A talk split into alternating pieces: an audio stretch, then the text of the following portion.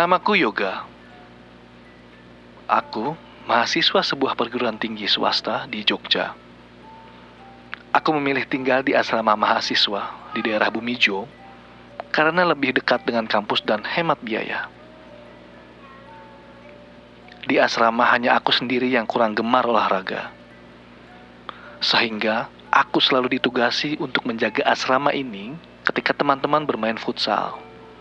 Ya, memang teman-teman satu kosanku gemar main futsal bareng-bareng sehingga hanya aku ditinggal sendirian di kosan ini ketika mereka main futsal. Bagiku tak ada masalah dua jam sendirian di asrama yang terdiri dari dua lantai ini dan 13 kamar.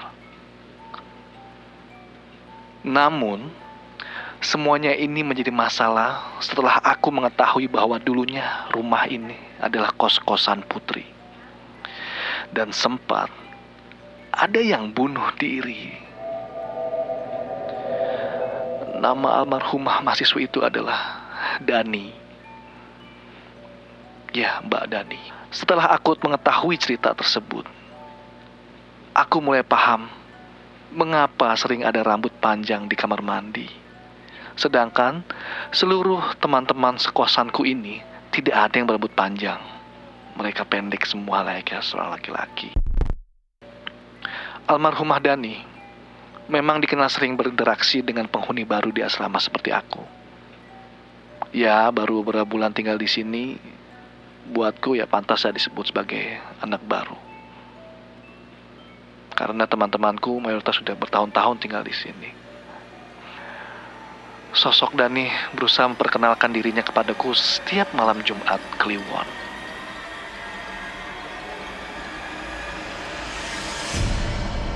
Kala itu, teman-teman main futsal jam 10 sampai dengan jam 12 malam jadwalnya ya mau nggak mau seperti biasa aku menunggu di kosan sendirian di jam-jam tersebut. Namun sejak pukul 9 asrama sudah terasa sepi karena mereka berangkat lebih awal supaya tidak terjebak macet. Ya perjalanan menuju lapangan futsal memang terkadang mengalami uh, kemacetan yang parah ya sehingga teman-temanku berangkat lebih awal itu pukul 9 walaupun jam main mereka jam 10. Karena hanya sendirian, Aku berpikir untuk melakukan penghematan listrik dengan mematikan lampu-lampu di setiap kamar dan hanya menyalakan lampu di ruang tamu, dapur, dan kamarku saja. Kamarku berada di paling ujung dekat dapur dan kamar mandi. Sudah pasti terasa sunyi saat semua penghuni pergi dan wifi pun ikut mati saat itu. Akhirnya, aku cuma terdiam sendiri sambil membaca buku saja.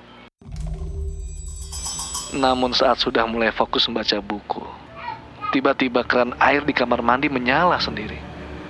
Padahal tidak ada siapa-siapa penghuni selain aku. Lalu siapa yang menyalakan itu? Karena penasaran, aku menuju kamar mandi. Dan benar saja, keran itu menyala dan bak mandi dipenuhi rambut hitam panjang. Aku mulai merasa merinding. Segera aku matikan keran dan menutup pintu kamar mandi, membiarkan lampu tetap menyala. Kemudian terdengar suara perempuan. Suara lirih yang mencerminkan kesedihan begitu amat dalam. Tak lama setelah itu, terdengar ketukan pintu depan. Aku heran Kok bisa orang masuk sedang pintu gerbang? Tadi ku gembok. Saat aku menuju pintu depan dan sampai di ruang tamu, tiba-tiba lampu padam. Kaki terasa berat seperti ada yang memegangi dan terdengar seperti orang sedang berlari. Aku pun terus berusaha menggapai pintu depan di tengah kegelapan ini. Namun saat itu juga lampu di kamar tamu tiba-tiba menyala lagi. Terlihat tali menggelantung di jendela atas pintu. Dan saat aku mencoba mendekat, tiba-tiba pintu terbuka dan terlihat sesosok bayangan putih seperti perempuan menggelantung di atas tali tersebut. Ya, bisa dipastikan itu adalah sosok almarhumah Mbak Dani yang tewas gantung diri.